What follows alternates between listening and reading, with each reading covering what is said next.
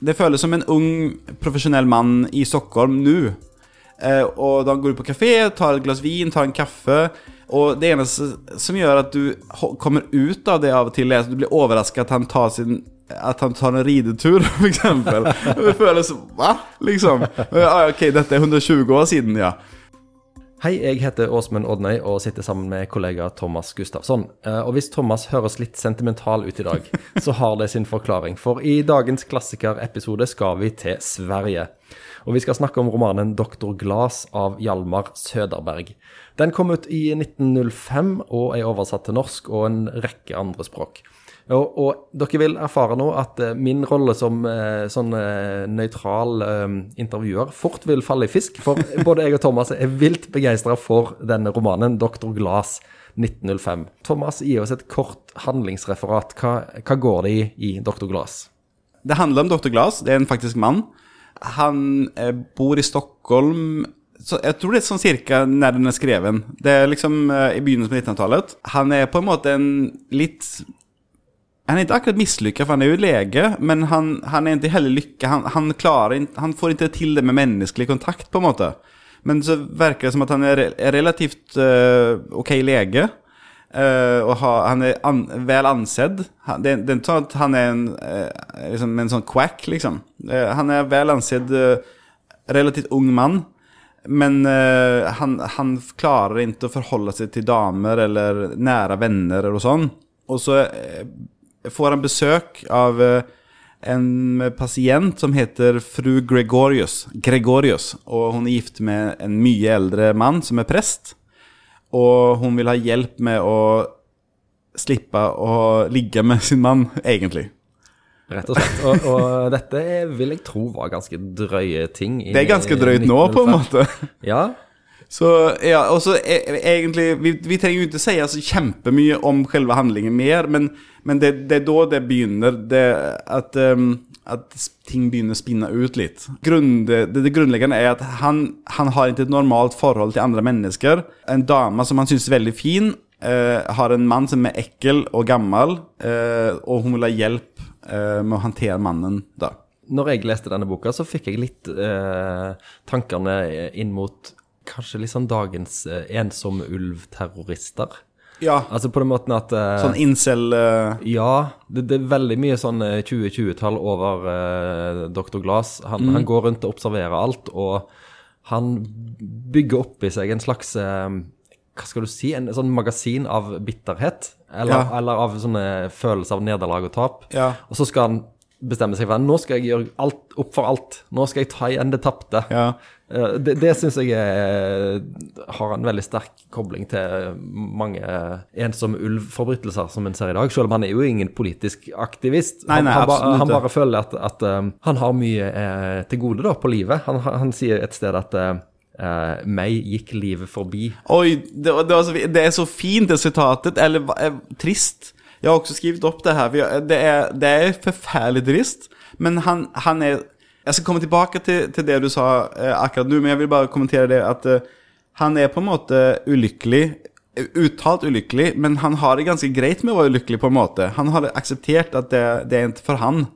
Ja, han er jo veldig intellektuelt sterk, men så har han eh, på en måte ingen plass å gjøre av eh, tankene sine. Han går litt på kafé og har litt venner, men han bruker veldig mye tid på å gruble Ja. og på en måte eh, lage seg et sånn eh, tankespinn som blir mer og mer usunt Ja. jo lenger ut den kommer i denne romanen. det, før vi kommer for langt bort fra det så vil jeg, bara, jeg ville si at det, det vi begge to har sittet igjen med mens vi har lest, og kanskje plagt folk rundt oss med er hvor utrolig modern boken føles. För det, det, liksom, det føles så Det føles som en ung profesjonell mann i Stockholm nu. Eh, og da går du på kafé, tar et glass vin, tar en kaffe. Og det eneste som gjør at du kommer ut av det av og til, er at du blir overrasket at han tar sin at han tar en ridetur, for eksempel. Det føles Hva? Liksom. Ok, dette er 120 år siden, ja. Men ellers så føles det eh, så modernt. Og jeg vil også si at jeg er overrasket over hvordan språket føles så modernt for meg, for den er ikke modernisert. Det er noen gamle verbformer, men ellers så er det akkurat som den er skrevet nå. Eh, jeg har lest den på svensk, da. Eh, Jeg er veldig, veldig imponert over hvor aktuell og modern og leken den er, liksom. Språket er kult och vi, det er en, vi sa innan, innan vi begynte å spille inn at det det er en sitatmaskin. Både du og jeg har mange ark med bare kule sitater. Ja, det, er, det skjer jo av og til at en leser ei bok, og så tenker en at å, den forfatteren kunne jeg tenkt meg å tatt noen øl med. Ja. Og dette er Hjalmar Søderberg var for meg et ukjent navn før jeg leste den. Meg også. Men du som er, ja, for du som er svensk, da, har han en plass i den svenske eh, litterære kanonen? Absolutt. På linje med August Strindberg og, og Selma Lagerlöf. Hvor er han henne? i- Han er der. Han er blant en av de aller store, største. Men jeg, jeg, var jo veldig ung da jeg flyttade til Norge. Så jeg, jeg, har på en måte hadde ikke hunnit, jeg var mest innstilt på russiske klassiker når jeg flyttet, Så jeg har faktisk ikke lest så mye av de svenske klassikerne. Men det, det vi oppdaga også når vi leste her, er at det har jo blitt vad var det du kaller det? Var det, eh, det, uttrykket, det engelska uttrycket cottage industry. Alltså det, det har kommit, det har en hel liten industri runt eh, Dr. Glass-boken med andre bøker. Ja, det er som veldig gøy. på en måte inspirert av eh, Dr. Glass. Og for eksempel leste jeg Kjersti Ekmans bok eh, 'Mordets praksis', Ja. Eh, som da handler om en annen lege som lever samtidig som Dr. Glass. Eh, eller samtidig som Hjalmar Söderberg. Og han, i den boken så treffer han Hjalmar Söderberg, og han mener at det er han som har inspirerat til eh, boken Dr. Glass. Oh. For han, Söderberg, se- han får vite at han eh, er lege, da, så spør han hvordan det ville gå til om han har gjort noe lignende. Så da, gjør han masse etterforskning, men doktor, dok, opptekker jo at upptäcker ju han her doktoren er jo veldig rar. Mye rarere enn den faktiske Dr. Glass er da, liksom. Så, så eh, legen i den mordets føler at han er ganske nære med, med Hjalmar Söderberg, men det er han ikke. Eh, Så han har ärva mye av det der awkwardness som Dr. Glass har, men på en mye dypere nivå. Ja, bare det å- å komme bort til en eh, person og si at du, jeg, er- jeg er inspirasjon for, for det monsteret du har skapt Ja. i den romanen din. Da, Ja. allerede der skurrer du litt, kanskje. Ja, og da går, bare doktor, da går Hjalmar Sørberg bare eh, derfra, og så snakker de aldri mer. Denne boka er ganske kort, den er på ca. 170 sider. Og når jeg ja, havna inn i dette eh, kaninhullet av Hjalmar Søderberg-trivia, som fort kan skje, eh, så finner jeg jo sitater som eksempel eh, Nå må du unnskylde min svensk. Jeg tror på kjøttets lyst og sjelens ubotelige ensomhet. Så eh, akkurat det sitatet kunne jeg nok ha funnet i sånne signaturfelt på eh, diverse nettforum i dag. Ja. Eh, Det der svarte synet på, på livet. Og når denne boka kom ut, da, så, så utvikla det seg noe som i svensk presse bare ble kalt for Söderbergsfeiden. Og det var en, en rasende litterær debatt hvor en kar som heter Tommy Olofsson, en kritiker, regner jeg med, han, han gikk til angrep på hele romanen, og Uh, i- han skrev en 50 sider lang artikkel hvor han, hvor han satte 50 sider! ja, de hadde, god, de hadde god tid for 117 år siden. Hvor han da uh, stilte spørsmål ved hele Søderbergs forfatterskap, og mistenkeliggjorde hans psykiske helse. Altså, da har du lykkes som forfatter. Hvis du får noen til å skrive 50 sider rasende essay mot deg, og i tillegg spør om du er helt frisk. Det, det, det skjer bare ikke lenger. Nei, det er fantastisk. Altså, men han har sånn eh, en annen, så, Apropos det du sa før, han, et annet sitat fra boken er Mennesken strever ikke efter lykke, utan efter vellust. Det er mulig at det kan finnes mennesker som ikke søker efter vellust, men orsaken dertil er at deres forstand er misbildet og deres omdømme fördärvat. Og, men Hjalmar Søderberg sjøl virker jo som en ganske ok fyr. Han, eh, han døde i 1941 og brukte de siste årene av livet sitt på å skrive mye religionskritikk, og ikke minst advarte mot nazismen. Så han var jo absolutt på, på plass. Ja, Eh, men samtidig så hadde han eh, en familie i Sverige og en familie i Danmark. Han, han hadde sammen med en, eh, Emilie Voss og hadde datter i, med henne, eh, Betty, i København. Samtidig som han levde med en annen familie i Stockholm. Så det er ikke bare bare her. det var vel en del av forfatterjobben på den tida, å ha litt eh, Ibsen hadde jo Ja. barn her og der. Og, må vel ha litt forskjellig. Ja, det, det, dette tror jeg var langt innafor. Um, men altså, um, Dr. Glass, ja. Vi trenger ikke å si alt som skjer her, men noe av, av kritikken som kom mot han da han kom ut, var jo det at um, han, det er en lett å sammenligne han med uh, 'Forbrytelse og straff' Ja, av. Dostojevskij. Men det kritikerne var rasende på, var at det var lite spor av anger i Dr. Glass. Altså, Ja. Vi trenger ikke å si alt som skjer der, men den som er forbryteren, har lite Litt ekstra tanker. Ja, han står for det. Han står for det han har gjort. Han, synes det var bra, en bra beslutning. Og det er jo samfunnsfordervende hvis Ja. folk kan eh, gjøre eh, grusomme ting med andre og leve greit videre med det. Ja. Da er vi på full fart mot eh, et samfunn vi ikke vil ha.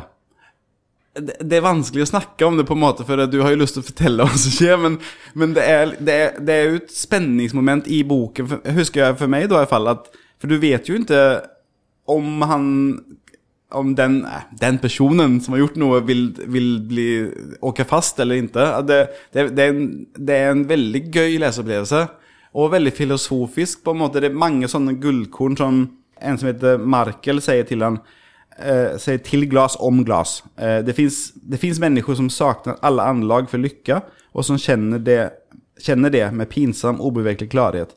Sånne mennesker strever ikke etter lykke, utan efter å få litt form og stil på sin ulykke.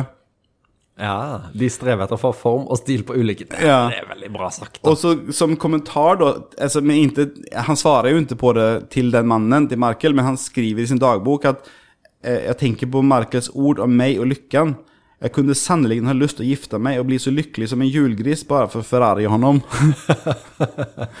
så eh, han, han eh, lever liksom med att, att han, inte, han inte är helt som de andre barna på en måte. Ja, han, han lever med å se på verden gjennom et slags eh, filter, eller Ja. Han ser på det mer som, som et skuespill? som skuespill, et eller? skuespill som han Ja. er litt på utsida av. Han er Ja. ikke med hud og hår inne i livets opp- og nedturer. Han, han er på mitt, det som gjør at det er interessant, på en måte, at det ikke blir, han er jo så intelligent, at han, han forstår jo det selv. Det syns jeg er en kul ting, da. Ja, han, han sier jo ganske tidlig i boka uh, Han er en som av og til hjelper andre, men aldri har kunnet hjelpe seg sjøl. Ja. Hans, hans lodd i livet er bare å gi ting til andre, og så har han gitt opp eh, det å være eh, Ja. et helt menneske sjøl. Men det er no, av en eller annen grunn så blir det liksom like, det er ikke, Han er ikke patetisk. Det er likevel stimulerende å lese det. Og det, det lurer på på grunn av at han er intelligent, og at han er mer sånn at han, han gneller ikke når han sier de tingene. Det er mer innsikter han har fått. At han ikke kan hjelpe seg selv. Ja. Sånn som han sier, det er noe feil med min hjerne. Jeg vet ikke om den er for dårlig eller for bra, men den er ikke som den burde være. Eh, du nevnte så vidt at det er kommet en hel eh, en litteraturunderskog under denne boka her, så Ja. han har gjort et veldig sterkt, inntrykk på mange, Ja. annet forfattere. Du nevnte eh, Kjersten Ekmanns 'Mordets praktikk'. Det fins òg ei bok som heter 'The Strange Case of Dr. Simmons and Dr. Glass', av en som heter Danny Abses. Og det fins ei bok som heter 'Dosan', av ei som heter Helena Siganders, som kom i 2013. Og så er det den som jeg har lest, som heter 'Gregorius', som er skrevet av Bengt Olsson. Eh, Den vant den svenske tilsvarende Brageprisen, altså Augustpriset, når han kom ut i 2004. 2004, ja. Ja. Eh, og i Gregorius, som jeg anbefaler også sterkt, så er hovedpersonen presten. Som på en ja, måte er, ja. han er Han er jo skurken. Ja. Eller han er den som får denne dama til å gå til doktor Glass, for han er så ekkel. Ja. Denne presten Gregorius. Ja. Og det er hans historie, da, som nøstes opp i eh, den boka som eh, Bengt Olsson har skrevet. Og det er absolutt ikke noe forsvarsskrift for denne presten. Um, han er ganske ufyselig, men eh, når han er så bra skildra innenfra i, i 400 sider, så syns du liksom litt synd på denne fyren òg. Så den boka til Bengt Olsson, 'Gregorius', eh, anbefaler jeg å lese etter en har lest eh, 'Dr. Glass', for den den eh, viser en historien fra en annen vinkel igjen. Hva, hva, for den boken jeg hadde lest av Kjersten Ekman også eh, har fått veldig god omtale, og den er veldig bra. Og da handler det om eh, han legen da, som er hovedpersonen i den boken, eh, som mener at han er inspirasjonskilden til, til Dr. Glass. Han er, han er på en måte pervertert, kan man si. Eh, Han gjør ingenting, men det er, det er en litt ekkel bok. Han jobber med blant annet med Jeg har jo sendt noen sånne sitat til det, hva han jobber med. Han jobber med og, og liksom, Han er liksom legen på en bordell, kan man si, i begynnelsen. Fram till att han gifte sig upp i, i världen. Men vad är det som gör att de böckerna som kommer ut av Dr. Glass är, handlar om så äckla män? För din man också är ju äckel i den Han er, han boken. er, han er kjempeekkel. Al- Altså, den, den Gregorius som jeg leste, den fikk meg på en måte til å tenke på eh, Madame Bovary, som, vi, ja. har- som vi har snakket om i en annen uh, podkastepisode. Ja. For at uh, herr Bovary, han er jo først gift med ei dame som dør, gjør hun det? Så gifter Ja. han seg på nytt med hun som er ja. hovedpersonen i Madame Det, Bovary. det husker jag var förvirrande i boken, för det finns tre Madame Bovary, det finns hans mamma och så hans to eh, fruar liksom. Ja, ja. Og, og i Gregorius så er det òg sånn det, det, er, det er liksom litt à la Lolita, kanskje. Altså, han presten Gregorius er venner med et par, eh, jevnaldrende par, og de har ei datter som heter Helga, som er på en måte tolv år når, når han begynner å bli husvenn med de. Og han blir forelska i denne tolv år gamle Helga. Og det er jo en guffen, eh, ekkel scene hvor han eh, ved et uhell overraska Um, Eller i smug ser 13 år gamle Helga stå og kjenne på sin uh, utviklende kropp foran speilet, og da blir han forelska i Helga.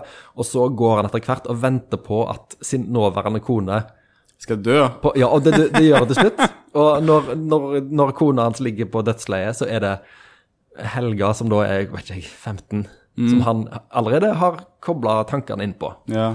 Så det, er det hun som blir hans fru da? det er hun som blir hans fru. Det er okay. hun som kommer til Dr. Glass Ja. i eh, Dr. Glass-romanen. ok, og det er samme ting som er i den moderspraksis. Han, hovedpersonen der han gifter seg med en, men den han egentlig vil være med er jo eh, datteren til henne. Eh, Ja. Så det er samme så hva er det som gjør att, vad er dette? Hva kommer det av? For Dr. Glass er mye, men han er jo ikke ekkel. på, han, är ju, han, han har jo en viss moral. Selv om den moral ikke er eh, sånn som den burde. Är du ikke enig i det? Han, Jo, jo, jo. Han, Ja. han har en, en dårlig moral, men han Ja. er ikke dårlig på en sånn, sånn måte Nei, at du nei. bare sitter og vrir deg i stolen når du leser det. Ja. Altså, på moral er også en sånn eh, betraktning som er i Dr. Glass. da. Det står som moralen befinner seg i en flytende tilstand. Den har, un den har undgått merkbare forandringer. Moralen er den berømte kritsilken kring hønene. Moralen binder den som tror på den. Andres åsikter om det rette. Og det er jo en sånn I Dr. Glass eh, så er hans moral er å gjøre det han gjør. Eh, mens det, samfunnets moral er jo ikke det rett, det han gjør. Men det er derfor han ikke angrer. Sant? Fordi Ja. han mener at han har gjort det riktige, Ja. selv om det er ulovlig. Ja. Og det er jo noe av mesterskapet til eh, Hjalmar Søderberg, at han klarer å lure oss inn til å bli med på tankegangen til denne stakkarslige, men òg litt sånn ambisiøse Ja. eh, legen som har lyst til å gjøre, i hvert fall gjøre én ordentlig ting i Ja. livet sitt. Ikke bare sitte og ta imot pasienter Ja. dag etter dag. En, ah, kom igjen, da. Jeg har så mye i meg som må ut. Ja. Og, og, så, Og det er går, den tingen. og så går det sånn som det går. Ja. Eh, vi har mye mer å si om uh, Dr. Glass, men jeg tror vi skal la folk få lese den sjøl, og gjerne gi oss en tilbakemelding på om dere blir like hekta som oss. Jeg må bare avslutte med siste setning i Dr. Okay. Dr. Glass. Det er òg flott og veldig talende for hvordan stemningen er i boka. Dette er doktoren sjøl som uh, snakker. Og snart kommer den snøen. Man kjenner den i luften. Den skal være velkommen. La den komme, la den falle. Han skal ikke utgå på ski. Det er, det er ikke det han sikter til her. Det er fint. Det er fint, og det er Ja. trist, og det er alt som er bra med Dr. Glass av Hjalmar eh, Søderberg. Ja.